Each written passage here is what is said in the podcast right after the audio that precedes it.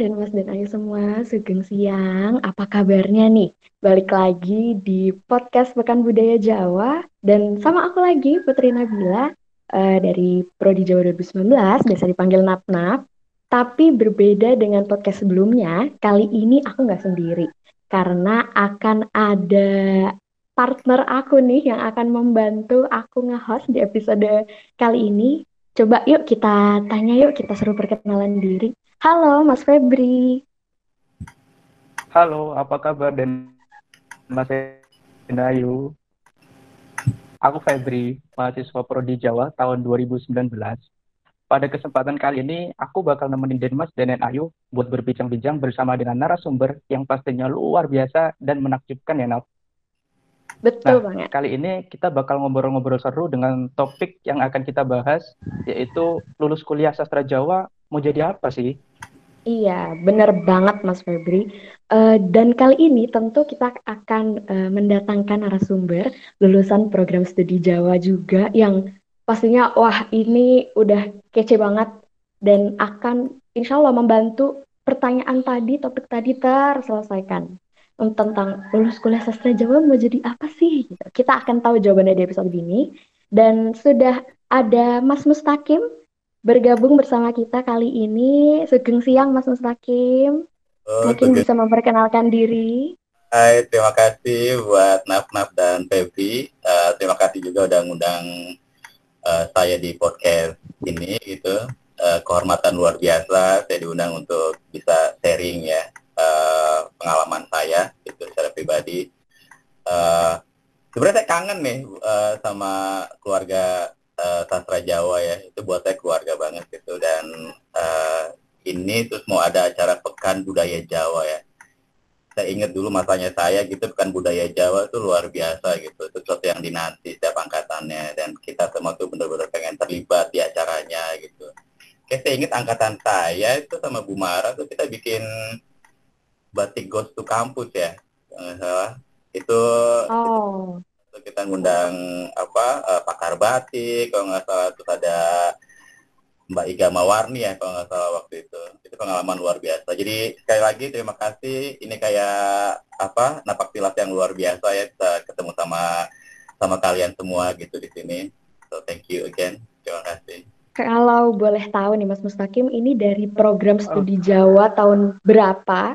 Dan sekarang sedang uh, sibuk apa gitu Oke, saya masuk program studi Jawa UI itu tahun 98 ya. Tahun 98 waktu itu habis kerusuhan, uh, seingat saya, uh, saya masuk 98, terus selesai 2002 ya, uh, tahun. Uh, waktu itu saya ngambil uh, linguistik jurusan jurusan linguistik itu saya nggak tahu sekarang uh, ada jurusan apa aja gitu di di sastra di sastra Jawa UI gitu. Eh jadi saya masuk 98 selesai dua 2002 ya wah. Gitu. oke mas Terus, jadi uh, jadi kita mau kilas balik. Yep. Mm -hmm. Jadi kita mau kilas balik sejenak nih mas dengar-dengar nih Mas Mustaqim ini kan merupakan editor. Yep. Dan beberapa hasil karya editannya itu sudah seliweran di layar kaca kan Mas. Wow. Kalau boleh tahu nih Mas. Ya, ya Sebenarnya ya, ya. pekerjaan sekarang tuh apa sih Mas? Apa kabar burung tadi tuh benar adanya gitu? Oh betul betul betul betul. Editing tuh salah satu passion saya dari dari dulu dari zamannya saya uh, dari zaman Indonesia tuh baru ada TV swasta saya masih kecil banget waktu itu. Waktu itu baru ada CTI apa CTV gitu. Dari kecil tuh saya ngelihat saya seneng ya ngeliat iklan gitu. Uh, mungkin apa uh, saya ngelihatnya sebagai sesuatu yang beda ya. Kok gambarnya lebih bagus gitu iklan gitu kan. Itu zaman saya kecil tuh. Tapi saya nggak tahu kalau kalau ternyata tuh ada ada profesi editor iklan gitu. Jadi uh, saya kuliah masuk uh, UI gitu kan sastra Jawa UI gitu uh, sebenarnya agak-agak agak-agak mungkin orang-orang melihatnya kayak agak berbelok dengan dengan pendidikan saya tapi sebenarnya garis besar ya itu sama sekali nggak berbelok ya saya ngeliat bahwa background pendidikan saya di UI itu justru terkait dengan dengan apa yang saya lakukan sekarang gitu jadi benar saya sampai sekarang sudah 18 tahun ya, hampir 19 tahun saya uh, editor iklan. Itu udah udah banyak ya saya nggak saya nggak tahu saya nggak saya nggak ngitung gitu jumlahnya udah berapa banyak yang udah saya kerjakan gitu. Tapi salah satunya uh, saya pernah bikin beberapa iklannya jarum. Uh, kalau kalian lihat itu jarum dulu yang kolosal yang Bali segala macam terus uh, Mayora juga beberapa produknya Mayora juga kita kita yang edit juga terus Kalbe juga beberapa produknya Kalbe terus Enesis kalau kalian pernah lihat Adam Sari, Vegeta terus Force Magic, Kiss Play segala macam itu itu itu juga kita yang edit gitu. Dan ada beberapa klien lain ya kayak Fiesta juga gitu. Kalau kalian lihat ikan-ikan Fiesta juga itu kita yang kita yang buat gitu. Jadi kalau dihitung, wah saya nggak tahu ya ada berapa ya selama 19 tahun ya. Tapi sampai sekarang saya nggak pernah bosan gitu ngelakuin apa yang saya lakuin gitu kan. Uh, nah terus satu tahun ini tuh saya dikasih kepercayaan bukan cuma untuk jadi editor, tapi juga saya dikasih kepercayaan untuk jadi direkturnya, untuk jadi sutradara iklannya gitu. Jadi walaupun baru beberapa project yang yang yang saya kerjain apa as a director tapi ini pengalaman yang luar biasa juga gitu. Ini tanggung jawab yang yang yang saya harus ambil gitu. Kesempatan yang saya harus ambil gitu. Saya saya rasa juga kalian juga harus harus seperti itu ya. Jadi kalau dikasih kesempatan eh, nggak uh, usah mikir terlalu lama gitu. Ambil kesempatannya karena kita nggak pernah tahu juga kan uh, seperti apa rasanya kalau kita belum belum nyoba gitu Wah, jadi berawal berarti dari, memang benar ya. Uh, Ya, jadi mungkin ber berawal dari apa yang kita suka ya. Uh, berawal dari apa yang kita suka, terus kayak mungkin hobi juga hobi yang kalian suka gitu lakukan terus fokus gitu tanpa meninggalkan uh, apa yang jadi fokus kalian sekarang gitu kuliah di kuliah di Satra Jawa sekarang. Berarti memang benar Mas Febri kalau Mas Mustaqim ini seorang director bahkan sekarang sudah merambah jadi seorang sutradara juga gitu. Pantes. Ya. Kalau uh, iya benar. Kalau boleh uh, tahu nih Mas Mustaqim, aku mau tanya. Ya. Awal Mas Mustaqim uh, mengambil kuliah sastra Jawa gitu. Apa motivasinya? Apakah memang ketika dulu udah deh aku pokoknya emang mau ngambil sastra Jawa gitu. Atau ada cerita lain di situ? Ya wah. Ini sebenarnya ceritanya panjang ya dan dan sebenarnya saya nggak yang sebegitu seriusnya gitu untuk apa uh, mikirin hidup saya ke depannya bakal seperti apa 10 tahun atau 20 tahun lagi seperti apa. Sebenarnya nggak nggak seperti itu ya. Uh, saya ngelihat kayak semuanya itu udah diatur gitu sama sama sama Tuhan gitu kan. Sebenarnya saya nggak ada rencana sama sekali untuk masuk sastra Jawa UI gitu yang ada dalam pikiran saya adalah uh, waktu itu pokoknya saya pengen masuk ke lingkungan yang yang bagus gitu. Dan UI adalah komunitas salah satu lingkungan yang bagus untuk saya bisa banyak belajar hal gitu.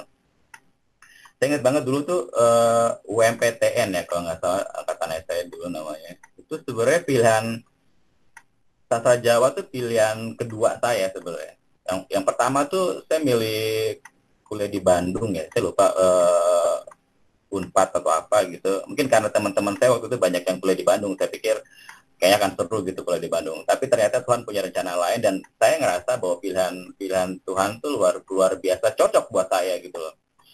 Dari apa? Uh, dari sesuatu yang saya nggak pernah tahu gitu tentang tentang budaya Jawa karena saya bukan background Jawa gitu kan. Setelah saya masuk sastra Jawa UI ternyata kok luar biasa ya. Bahwa sebenarnya kita punya apa punya budaya yang luar biasa kaya gitu loh. Saya saya mulai mulai tahu kalau ternyata bahasa Jawa itu ada tingkatannya, gitu kan. Terus ada ada puisi-puisinya, belum lagi ada aksara Jawa yang luar biasa kalau menurut saya. Belum lagi ada batik, batik juga ada macam-macamnya. Terus belum lagi saya ingat banget tuh ada ada ada budaya Jawa tuh tentang kayak tahapan untuk menikah tuh seperti apa gitu kan. Belum lagi oh ya tuh ini, ini juga yang unik buat saya. Uh, condro kucing uh, apa uh, salah satu saya tahu papa Pak Rahyono ya kalau nggak salah itu yang ngasih tahu tentang salah satu uh, apa uh, budaya Jawa melihat tanda-tanda kucing gitu loh. Kenapa kayak, kucing ada di depan apa di depan pintu itu artinya apa segala macam. Saya nggak pernah kepikiran tapi tapi uh, saya melihat itu sebagai sebagai kekayaan budaya yang luar biasa ya. Jadi walaupun awalnya mungkin by accident saya masuk ke sastra Jawawi, tapi itu ternyata bukan sama sekali bukan bukan kebetulan gitu, tapi emang emang sesuatu yang udah direncanakan Tuhan dan saya bersyukur saya bisa masuk sastra Jawa UI ya, karena situ saya belajar banyak, belajar budaya, belajar kekayaan yang kita punya, dan itu itu luar biasa ya, itu luar biasa banget. Jadi by accident tapi saya menemukan uh, kekayaan yang luar biasa, tradisi yang luar biasa. Gitu. Oke, jadi gitu ceritanya, Nap. Nah, Mas, kan tadi pekerjaan Mas Mustaqim ini kan seorang editor yang notabene kalau kata orang nih tidak linier, tapi menurut Mas Mustaqim kan itu sebenarnya ya sejalan dengan jurusan Mas Mustaqim pada saat di perkuliahan. Yeah. Kalau boleh tahu nih Mas, bagaimana sih Mas perjalanan ceritanya bisa sampai bekerja sebagai editor? Pasti Den Mas dan Den Ayu yang ada di rumah juga penasaran kan, apalagi yang pengen banget kerja di bagian editing juga. Silakan. Oke, okay. oke, okay, good. Uh, ya, jadi uh, sebelum sebelum saya benar-benar terjun profesional di editing, khusus editing periklanan, sekali lagi dulu zaman saya kecil saya saya tenang kan ngelihat ngelihat iklan-iklan kok kok uh, iklan tuh penggarapannya lebih lebih bagus itu dibandingin tayangan yang lain gitu kan itu itu zaman masih kecil gitu. Nah pas lagi kuliah saya inget banget itu semester udah udah selesai ya saya udah udah selesai skripsi kalau nggak salah itu tinggal sidang juga udah udah gitu tinggal nunggu wisuda ya kalau nggak salah. Nah itu di kampus tuh ada uh, seminar kecil ya. Saya inget banget itu Mas Yusuf Praharjo uh, dia juga alumni sastra Jawa UI kan. Dia datang sebagai pembicara uh, memperkenalkan ke kita tentang periklanan. Karena Mas Yusuf itu dia senior produser ya di, di dunia periklanan. Jadi dia datang ke ke kampus, saya inget banget itu cuma kecil ya. Kayaknya 10 orang kurang lebih mahasiswa yang datang itu karena itu di, di ruang kelas kan di ADN-nya kan.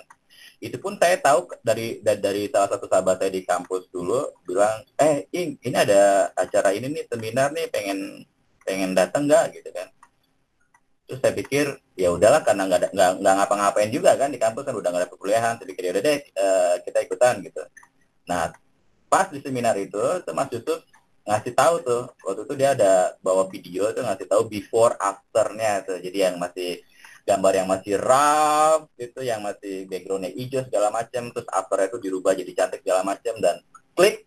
Saat itu saya ngerasa kayaknya ini nih yang yang yang yang yang pengen saya lakukan nih ke depannya gitu kan. Ya udah akhirnya ngobrol-ngobrol sama Yusuf terus uh, saya bilang Mas boleh nggak kapan-kapan saya uh, lihat seperti apa sih proses editing iklan itu kan? Oh yaudah nanti kamu datang aja gitu kan. Uh, saya dapat nomor teleponnya teman-teman yang lain juga dapat gitu kan. Oke selang berapa hari itu saya ajakin teman saya gitu kan untuk uh, main ke tempatnya Mas Yusuf gitu. Cuma teman-teman bilang uh, ah nggak deh nggak apa nanti aja deh uh, ah gua nggak enak segala macam gitu kan. Tapi saya memberanikan diri tuh karena mungkin karena saya ngerasa bahwa ini ini sesuatu yang saya suka banget ya.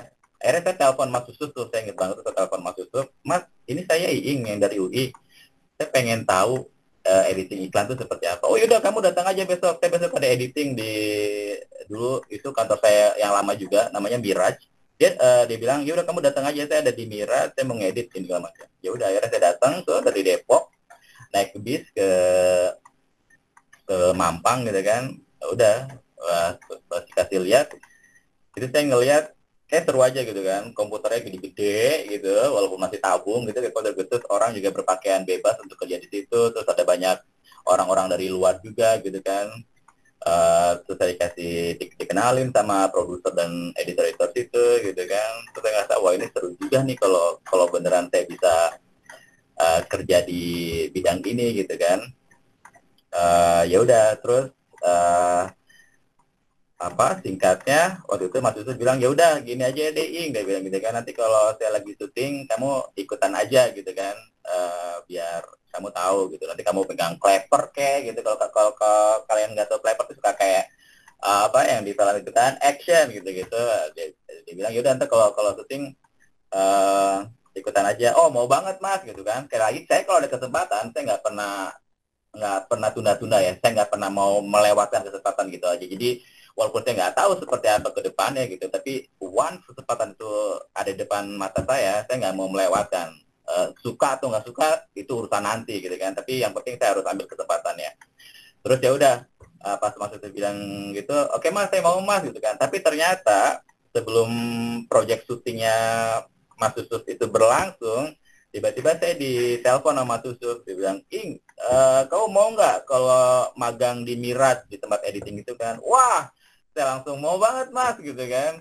Ya udah besok pagi-pagi pagi-pagi kamu datang ke ke Mirat, gitu kan. Ya udah saya datang pagi, pada itu kantornya belum buka gitu kan pagi datang produser ya langsung langsung nyamperin ya udah kamu uh, hari ini apa lihat uh, dari senior kamu gitu kan belajar apa yang bisa kamu pelajarin pokoknya kamu harus belajar sendiri dia bilang gitu kan jadi nggak akan ada yang nuntun kamu untuk ngajarin step by step jadi harus dari kamunya yang yang benar mau belajar gitu kan. Ya udah saya saya perhatikan terus saya mulai tanya-tanya. Kalau ada editor yang uh, waktunya memang bisa ditanya ya karena kan mereka lagi sibuk ya dan saya nggak tenang hati gitu kalau sampai mengganggu pekerjaan mereka. Jadi saat mereka lagi eh, lagi lenggang saya tanya-tanya gitu kan. Akhirnya ya udah. Nah, dari situ berlanjut sampai sekarang gitu. Jadi tipsnya ya kalau menurut saya. Jadi kalau ada kesempatan jangan pernah tunda-tunda gitu manfaatkan kesempatannya karena kita nggak pernah tahu ya ke depannya seperti apa dan kita juga nggak pernah tahu kita suka atau enggak kalau kita belum belum ngakuin jadi itu tadi. Keren banget. Aku mendapatkan Ternyata uh, butuh perjuangan juga ya, Mas. Iya dong. Betul. Aku mendapatkan eh, kata-kata di dari Mas Mustaqim kalau ada kesempatan suka nggak suka urusan belakangan ambil aja dulu karena yeah. ternyata kita nggak benar-benar tahu apa yang akan kita sukai di masa depan dari kesempatan yang kita ambil ini ternyata Bang. wah itu keren banget terima kasih Mas Mustaqim bener banget oke okay. Aku mau uh, tanya lagi nih, Mas. Yeah. Kita flashback lagi ketika waktu kuliah. Ini kan uh, kuliah sastra Jawa pasti uh, mengikuti serangkaian mata kuliah yang dulu tadi kayak Mas Muslakim sempat nyebutin ada mata kuliah Pak Rahyono dan sebagainya.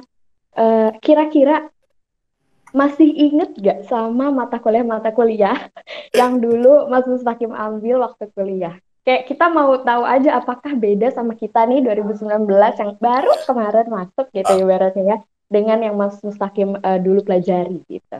Aduh, ini pertanyaan ini bikin saya benar-benar kayak flashback lagi ke masa masa-masa indah dulu zaman kuliah ya.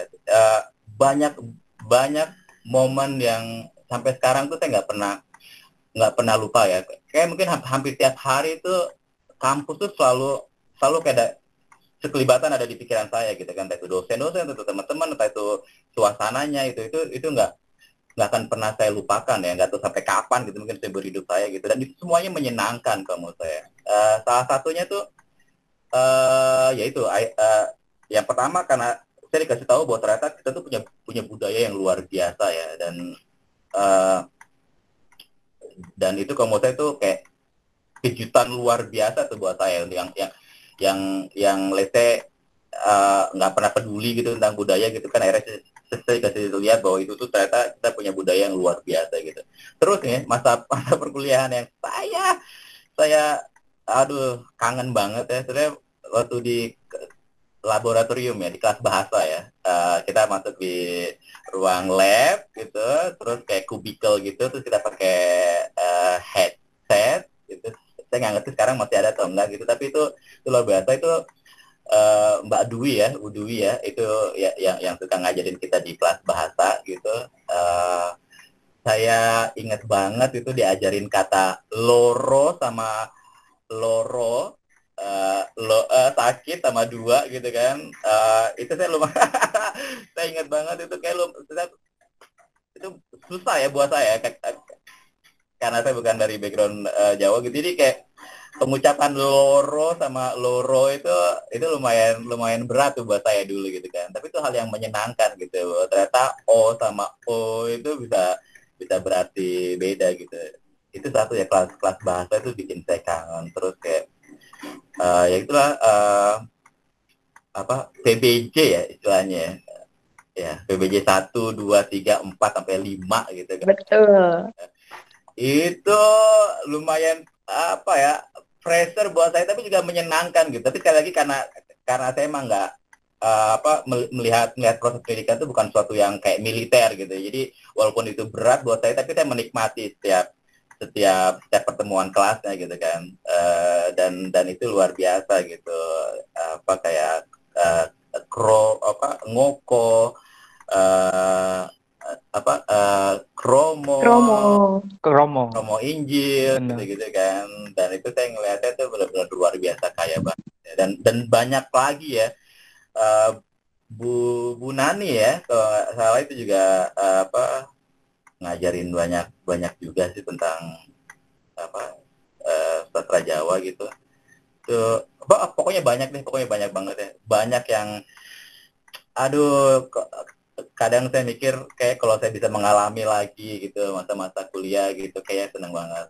Jadi mungkin kalau untuk kalian yang masih tahap uh, proses pendidikannya gitu kan jangan jangan buru-buru pengen selesai deh, jangan buru-buru empat tahun pengen pengen cepat wisuda, jangan. Jadi nikmatin setiap harinya karena percaya mas saya, nanti saat kalian udah udah kerja gitu atau mungkin udah berkeluarga, pasti kalian akan kangen ya ngerasain apa eh, masa-masa perkuliahan kalian gitu. Terus berada di perpustakaan sastra juga itu satu hal yang menyenangkan ya, itu kayak tempat nongkrongnya kita gitu setiap hari gitu di situ gitu wah ini banyak banget yang menyenangkan banyak banyak banget yang menyenangkan oke okay. Kalau tadi udah uh, beberapa tadi sama ya Mas Febri, uh, Mas Mustaqim dengan kita ada penguasaan bahasa Jawa dan lain sebagainya. Aku mau nah. tanya nih uh, Mas Mustaqim, apakah dari mata kuliah-mata kuliah atau pelajaran-pelajaran yang Mas Mustaqim dapat selama uh, apa namanya berkuliah di sastra Jawa gitu, ada nggak yang masih mungkin Mas Mustaqim merasa masih diterapkan hingga Mas Mustaqim kerja sekarang nih gitu. Oke. Diterapkan. Uh, saya yakin ada ada beberapa yang masih diterapkan ya. Uh, tapi yang pasti kayak bahasa Jawanya sendiri itu ya kalau saya ke daerah Jawa atau mungkin ada ada klien atau ada tim kerja yang emang dari apa backgroundnya uh, Jawa gitu, kan saya jadi lebih lebih paham ya apa yang mereka bicarakan gitu walaupun mungkin saya agak sudah dikit gitu. Tapi at least saya tahu bahwa ada kayak ngoko kromo kayak gitu gitu gimana saya apa gimana saya harus berbicara lebih sopan sama orang yang lebih dewasa gitu kan atau gimana cara saya bisa lebih akrab dengan orang yang setantara dengan saya dengan pakai bahasa ngoko gitu gitu mungkin itu salah satunya ya bahasa mungkin masih masih saya pakai ya. Tapi in generalnya uh, garis besar ya gitu. Kayak, kayak sense of uh, kebudayaan, uh, rasa seni, budaya dan segala macamnya. Itu menurut saya aplikasinya sampai sekarang masih saya saya saya saya, pegang ya, saya terus terapkan di, di di setiap pekerjaan saya gitu. Mungkin kalau saya nggak kuliah di sastra Jawa juga sense of art saya juga nggak nggak terasa seperti sekarang gitu Jadi ya itu kayak budaya, seni segala macam, gimana saya bisa melihat melihat melihat melihat segala sesuatu itu dari perspektif seni, dari perspektif budaya, kayak gitu-gitu. Dan itunya, kamu saya itu, itu yang masih yang yang sampai sekarang itu masih terus saya pegang ya. Dan saya yakin ada. Wah berarti memang, uh -uh. Ber berarti memang sampai sekarang sebenarnya kalau orang mikir sastra Jawa nggak bisa dipakai sampai nanti kelar kuliah tuh nggak benar ya mas. Buktinya. Nggak benar. Nggak benar sama Buktinya Mas Mustakin sendiri masih bisa mengaplikasikan apa yang Mas Mustaqim pelajari gitu Betul, di bang. pekerjaannya loh teman-teman dan Mas dan Ayu yang dengar kan ternyata ya. masih kepake kan Betul banget. Dan uh, uh, sekarang aku benar banget no. Benar. Dan sekarang aku mau tanya lagi nih ke Mas uh, Mustaqim. Hmm. Waktu dulu zaman kuliah itu Mas Mustaqim tuh tipe mahasiswa yang apa? Yang ikut UKM juga kah? Yang uh, aktif sana sini juga kah? Atau cuma udah kuliah aja gitu? Oke, dulu saya nggak nggak yang terlalu ikut berorganisasi ya. Jadi uh, saya nggak ngerti mungkin karena karena mungkin karena masih kayak lingkungan baru juga gitu ya dan saya nggak waktu itu saya tipe kalau orang yang nggak yang nggak gampang untuk mudah deket sama orang ya. Itu dulu dulu ya tapi saya yakin sekarang sudah udah udah berubah banyak gitu. tapi mungkin itu juga salah satunya ya, dan ya itu kan karena dulu saya ngerasa saya nggak gampang ngeblend gitu untuk orang gitu. Kenal sama satu orang aja itu butuh waktu gimana saya harus uh, harus kumpul dengan banyak orang ya waktu itu. Jadi saya nggak nggak yang ikutan uh, organisasi gitu. Tapi saya ingat banget saya ikutan uh, suara mahasiswa UI itu kayak uh, sekarang nggak tahu masih ada atau enggak gitu. Jadi kayak di UI kan udah punya majalah tuh. Majalah suara mahasiswa kalau nggak salah namanya dulu itu itu kayak dia keluar tuh per berapa Bener. bulan gitu. Satu semester atau atau berapa gitu ya lupa. Saya sempat ikutan satu edisinya suara mahasiswa waktu itu. Uh, ya karena saya tertarik dulu tuh desain desain majalah gitu kan bikin apa uh, outline tampilan majalah gitu mulai dari cover terus tampilan artikelnya itu kayak menarik tampilan seperti apa gitu. Saya sempat ikutan tuh satu satu semester dulu. Cuma karena ya gitulah ya sekali lagi kadang mahasiswa tuh uh, mental profesionalnya masih harus terus dibentuk ya. Jadi uh, giliran udah mau deadline baru tuh wah sebut semalam gitu kan. Uh, nah itu saya ngerasa kita jadinya nggak maksimal gitu loh. Uh, saya pengennya ya udah kita pelan-pelan nyicil gitu kan sampai akhirnya nanti biar maksimal gitu. Cuma karena teman-teman waktu itu yang ah udahlah gue masih sibuk inilah kuliah ini segala macem. Ya apalah segala macem. Jadi pas giliran udah mau udah mau tayang nih majalahnya udah mau cetak gitu baru tuh kebut malam. Dan ya karena saya ngerasa itu kayak jalur kerja yang nggak bener gitu kan akhirnya saya udah udah udah selesai satu edisi doang waktu itu. Tapi kalau dari jurusan sastra Jawanya saya nggak ikutan apa-apa ya. Uh, tapi kalau kayak ada ekskul apa gitu membatik kayak apa gitu saya saya, saya ikutan sih. Tapi kalau untuk organisasi kemahasiswaannya saya nggak terlalu itu ya. Tapi mungkin juga contoh yang kurang baik juga gitu kalian jangan niru juga gitu. Tapi uh, sebenarnya banyak hal yang bisa kita dapat ya dari ber berorganisasi gitu. Jadi kalau kalian sekarang ikutan berorganisasi ya lanjutkan gitu. Karena karena uh, hikmahnya pelajarannya sebenarnya banyak banget ya. Kita jadi lebih kayak ya itu bisa kayak teamwork, bisa lebih memahami tim gitu-gitu. Terus juga mungkin sharing ID-nya juga bisa lebih lebih dapat ya. Gitu, gitu.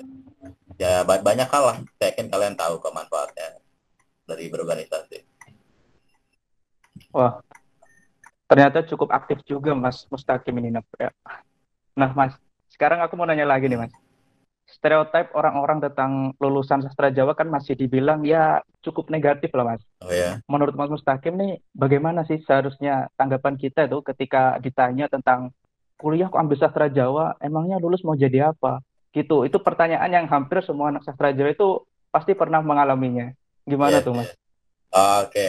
saya pikir zaman udah berubah, internet udah udah udah udah mulai luar biasa uh, masuk di lini kehidupan kita. Saya pikir udah nggak ada pertanyaan seperti itu lagi. Ya. Tapi well that's okay gitu. Tapi uh, ya sekali lagi ketidakpahaman orang kan bikin bikin orang uh, menilai uh, negatif ya akan sesuatu ya. Kalau menurut saya sih ya terserah silakan silakan aja itu juga uh, itu hanya pemikiran orang gitu kan. Bukan berarti itu sebagai sesuatu yang yang valid gitu yang nyata gitu. Tapi uh, mungkin adalah kalau menurut saya jadi nggak usah terlalu pikirin apa yang orang lain pikirin.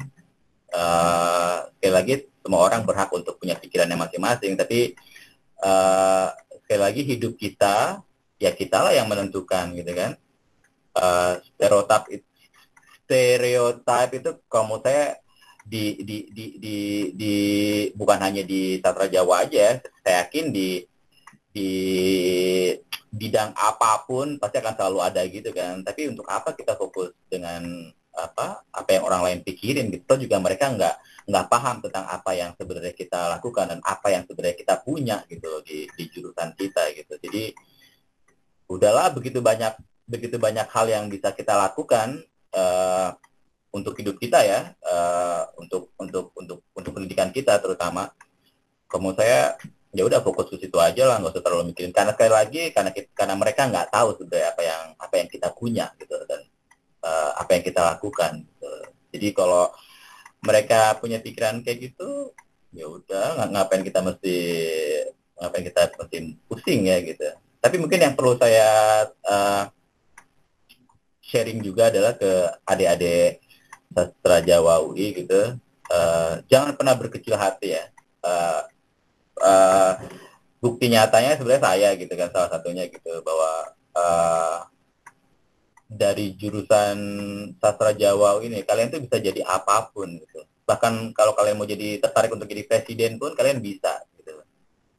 Iya kan? Tapi kalau kalian berpikiran hanya untuk jadi karyawan gitu kayak kemusnya terlalu dangkal ya. Apalagi di era seperti sekarang gitu. Semuanya serba terbuka dan semua orang uh, bisa punya profesi sendiri gitu menciptakan profesi sendiri gitu kan. Pasti kayak dulu mana ada sih istilah influencer? Nggak ada. Apa sih influencer gitu kan? Tapi sekarang begitu banyaknya orang yang mengklaim dirinya adalah influencer inilah influencer itulah dan saya nggak tahu nanti generasi kalian berapa tahun lagi akan akan akan tercipta suatu profesi yang baru lagi gitu kan gitu jadi uh, background ikan sastra Jawa itu kalau menurut saya bisa bisa membuat kita untuk bisa menjadi apa aja nanti ke depannya. Presiden, menteri, atau atau mungkin kerja di di apa di bidang profesional pun banyak gitu kan. Kayak lingkup saya aja deh dari periklanan gitu kan. Itu sangat memungkinkan gitu dari background uh, apa uh, sastra Jawa UI untuk untuk untuk bisa berpro, berprofesi di di bidang lesnya perikanan yang saya lakukan sekarang gitu kan. Editor udah pasti kalian bisa gitu untuk jadi editor terus jadi direkturnya juga bisa jadi produsernya pun bisa. Atau kalian yang tertarik dengan uh, mungkin wardrobe uh, ya kan uh, yang berhubungan dengan wardrobe dengan dengan pakaian dengan cultural itu bisa gitu. Kita ada ada bagian-bagian itunya gitu. Dan dan masih banyak lagi. Itu pun hanya lingkup kecil dari saya periklanan ya. Bahwa dunia pekerjaan sebegitu luasnya gitu. Dan kalian bisa jadi apa pun gitu kan. Seperti ya sekarang zaman udah era udah sebegitu terbukanya gitu. Kalian bisa menciptakan profesi kalian sendiri. Gitu. Bahwa ya mungkin saya melihat banget, pendidikan itu adalah uh, proses kita belajar tentang banyak hal ya uh, ya mungkin fokusnya lebih besar kita di kebudayaan Jawa gitu kan. Tapi kan sebenarnya kita belajar banyak hal lain juga di luar di luar kebudayaan Jawa kan di di, di jurusan kita gitu kan. Let's say kayak manajemen waktu deh kalau menurut saya kalau kita nggak nggak bisa ngatur bahwa hari ini kita kuliah ini jam segini di ruangan ini besok kayak keluar gitu itu kan manajemen waktu ya kalau kita nggak nggak bisa ngatur kayak gitu dan kalau menurut saya itu adalah skill basic kita untuk bisa manajemen waktu di dunia uh, pekerjaan nantinya, saya rasa kalian juga akan berantakan nantinya gitu. Jadi itunya aja tuh kayak manajemen waktunya aja udah kemudian itu udah udah proses pelajaran yang harus kalian pahami gitu. Bahwa nanti saat kalian kerja juga kalian nggak bisa sembarangan kan, masuk jam segini pulang segini atau segala macamnya gitu. Terus lagi kayak proses kayak say, uh, buat skripsi deh gitu kan, itu sebenarnya sangat terkait dengan saat kalian nanti kerja gitu kan, bahwa segala stepnya itu harus ada approval gitu kan dari dosen pembimbing kalian gitu. Kayak satu bab pun itu harus ada approval. Di dunia kerja pun sama seperti itu kan. Step-stepnya pasti harus harus approval uh, tim kalian atau mungkin bos kalian gitu kan atau mungkin bawahan kalian gitu kan. Itu kamu saya kalau kita nggak belajar dari kuliah, saya rasa kita nggak akan nggak akan bisa kerja dalam tim ya di perusahaan orang gitu loh. Ataupun kalaupun nantinya kalian punya usaha sendiri, saya rasa kalau kalian nggak punya background yang bagus tentang pendidikan di kampus, saya rasa kalian akan akan jadi entrepreneur yang nggak jelas nanti ke depannya. Gitu. gitu. Dan kalau ngomongin kayak gini akan akan akan banyak lagi, akan akan luas sekali. Gitu. Akan luas lagi, bener banget, setuju banget mas. Dan sebenarnya untuk kerja sendiri kan hmm. yang nggak harus sejalan dengan jurusan kan mas. Dan yang betul penting kan banget, dilandasi dengan banget, passion kita banget. juga. Ya, terus juga mungkin uh, dari pengalaman saya kayak uh, ya skill juga itu ya skill juga harus jadi hobi apa pun yang kalian senang lakukan dari dulu dan sampai sekarang kemudian terus terus terus terus lakukan gitu karena kita nggak pernah tahu kan dari hobi itu akan akan berlanjut ke mana gitu. Kalau kalian mungkin hobinya yang mungkin seputaran tentang budaya Jawa, saya yakin itu bisa bisa bisa membuat kalian mandiri nanti ke depannya gitu kan. Karena dari budaya Jawa aja tuh bisa begitu banyak profesi yang bisa kalian jadikan gitu. Ya kan? Uh, influencer Jawa mungkin kita nggak pernah tahu kan tapi itu sangat memungkinkan gitu. Orang yang paham banget tentang budaya Jawa. Dan kalau kalian mau spesifik lagi tentang budaya Jawa mungkin nanti ada salah satu dari kalian yang benar-benar uh, ahlinya di bidang batik.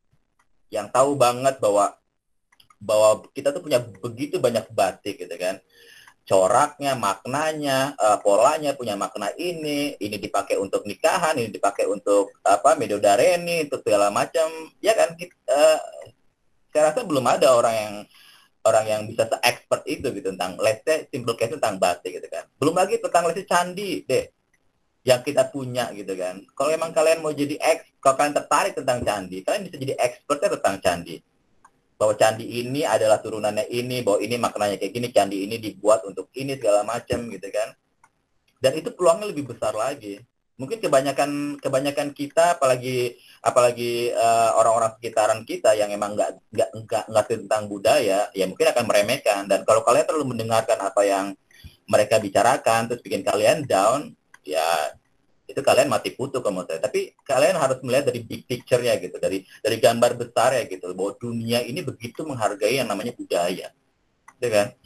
Orang luar sana, Belanda, mereka punya peralatan lengkap, mereka begitu menghargai budaya kita, budaya Jawa terlebih lagi gitu. Padahal karena mereka nggak punya budaya yang begitu berharga menurut saya, gitu kan? Karena kalau saya, wah ini saya, saya jadi ngalor gitu, tapi nggak apa-apa lah ya. Ini ini kita sharing gitu uh, karena yang bikin yang bikin kita kaya itu bukan kalau menurut saya bukan bukan ekonomi kita membaik atau atau atau income kita per bulan lebih baik. Kalau menurut saya nggak kayak gitu ya. Tapi budaya yang kita punya yang terus kita lestarikan itu itu kekayaan yang luar biasa gitu. Iya kan? Nggak semua negara tuh punya budaya yang luar biasa gitu. Dan kalau kita meninggalkan budaya kita, kita nggak punya apa-apa lagi.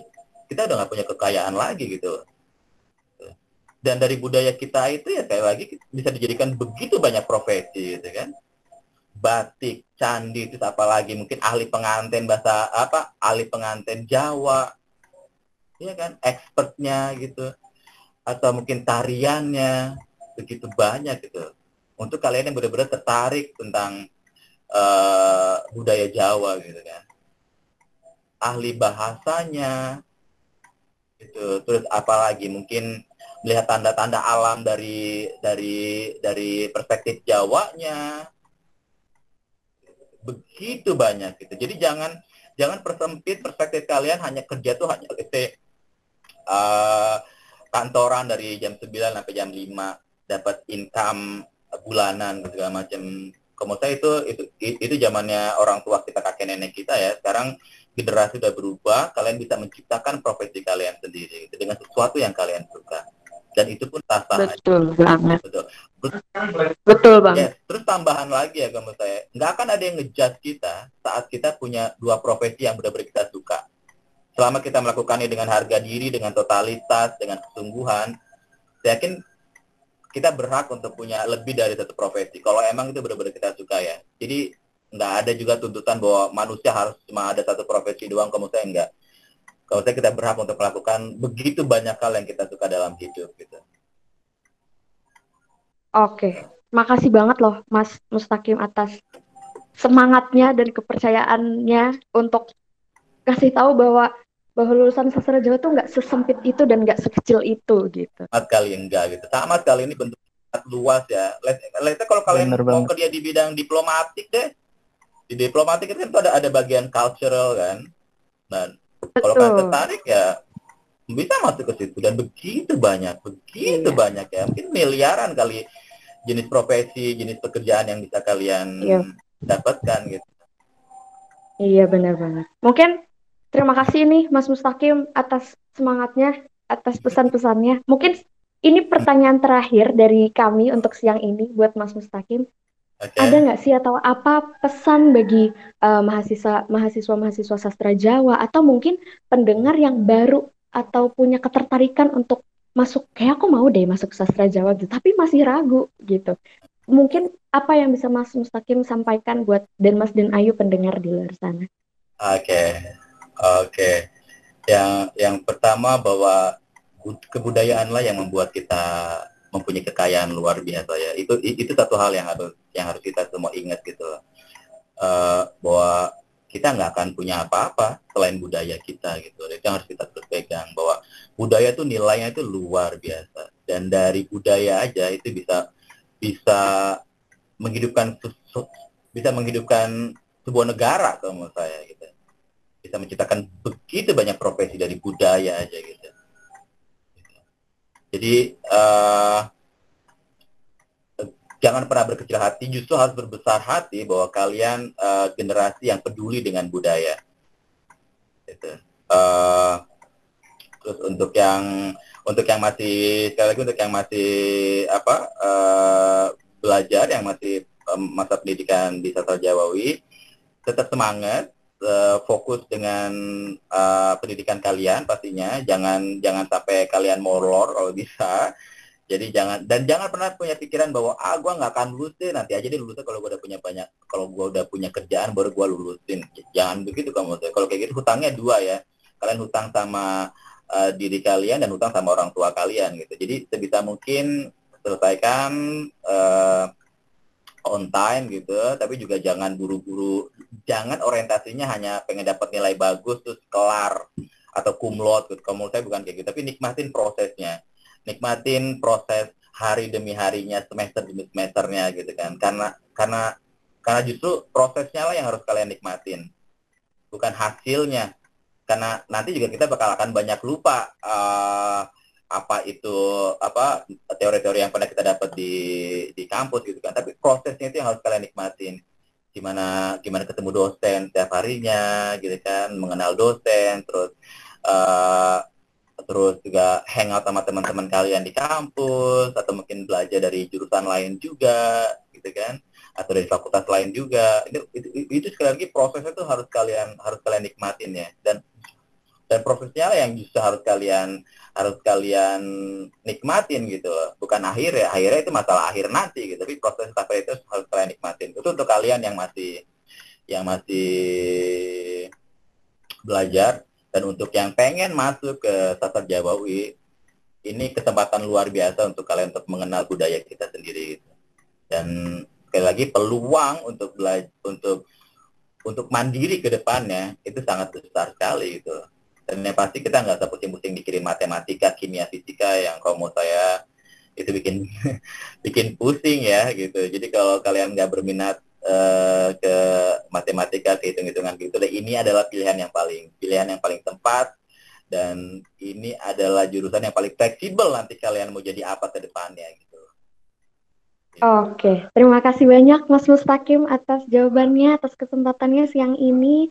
Semoga ini semua bisa membuka pikiran para pendengar dan Mas dan Ayu di luar sana ya tadi baik yang masih di sastra Jawa ataupun yang masih mikir-mikir masih ragu-ragu semoga jawaban Mas Mustaqim tadi memberikan pencerahan untuk kita semua gitu. Ternyata nggak kerasa nih Mas Febri, kita sudah di penghujung waktu. Uh, cepet banget karena topiknya juga seru banget. Bener Yang banget. Ini uh, ternyata kita sudah di akhir, jadi sekali lagi aku mau terima kasih banget sama Mas Mustaqim atas waktunya dan kesempatannya untuk sharing-sharing sama kita di sini nih Mas Feb. Dan udah meluangkan waktunya buat podcast di podcast kali ini gitu. Terima kasih banyak Mas Ustakim. Oke. Okay, uh, Bener eh, banget Nov. Dan terima kasih juga buat ya. Uh, terima kasih. Saya yang terima kasih udah udah diundang di podcast kalian gitu. Sukses untuk acara Pekan Budaya Jawanya. Uh, saya harap uh, corona ini segera berakhir, jadi kita bisa beraktivitas normal seperti biasa gitu kan. Uh, lanjut kuliah seperti biasa dan melakukan aktivitas lain seperti biasa terus bikin acaranya juga jadi lebih total kan kalau kalau nggak perlu pakai online kayak gini. Lagi sukses untuk studi kalian juga. Uh, tetap semangat oke okay, nikmatin masa masa pendidikan kalian masa remaja kalian terus gali potensi yang kalian punya oke. Okay, uh, nanti kita sering-sering ngobrol lagi karena karena masih banyak sebenarnya yang saya pengen ceritakan tapi mungkin di lain kesempatan kita bisa ngebahas tentang hal lain juga oke okay, Uh, salam salam kangen untuk keluarga besar Sastra Jawa UI, para dosen semuanya, uh, para mahasiswanya juga, dan untuk alumni-alumni juga, salam kangen. Uh, sehat semuanya. Sampai ketemu lagi di lain kesempatan segera.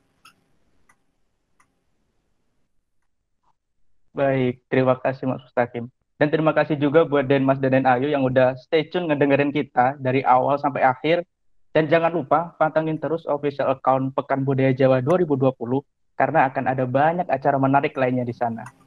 Ya, di sini aku Nap dan Mas Febri mewakili uh, seluruh tim yang bertugas mengucapkan terima kasih juga dan sukses selalu untuk teman-teman di luar sana ya. Terima kasih. Thank you.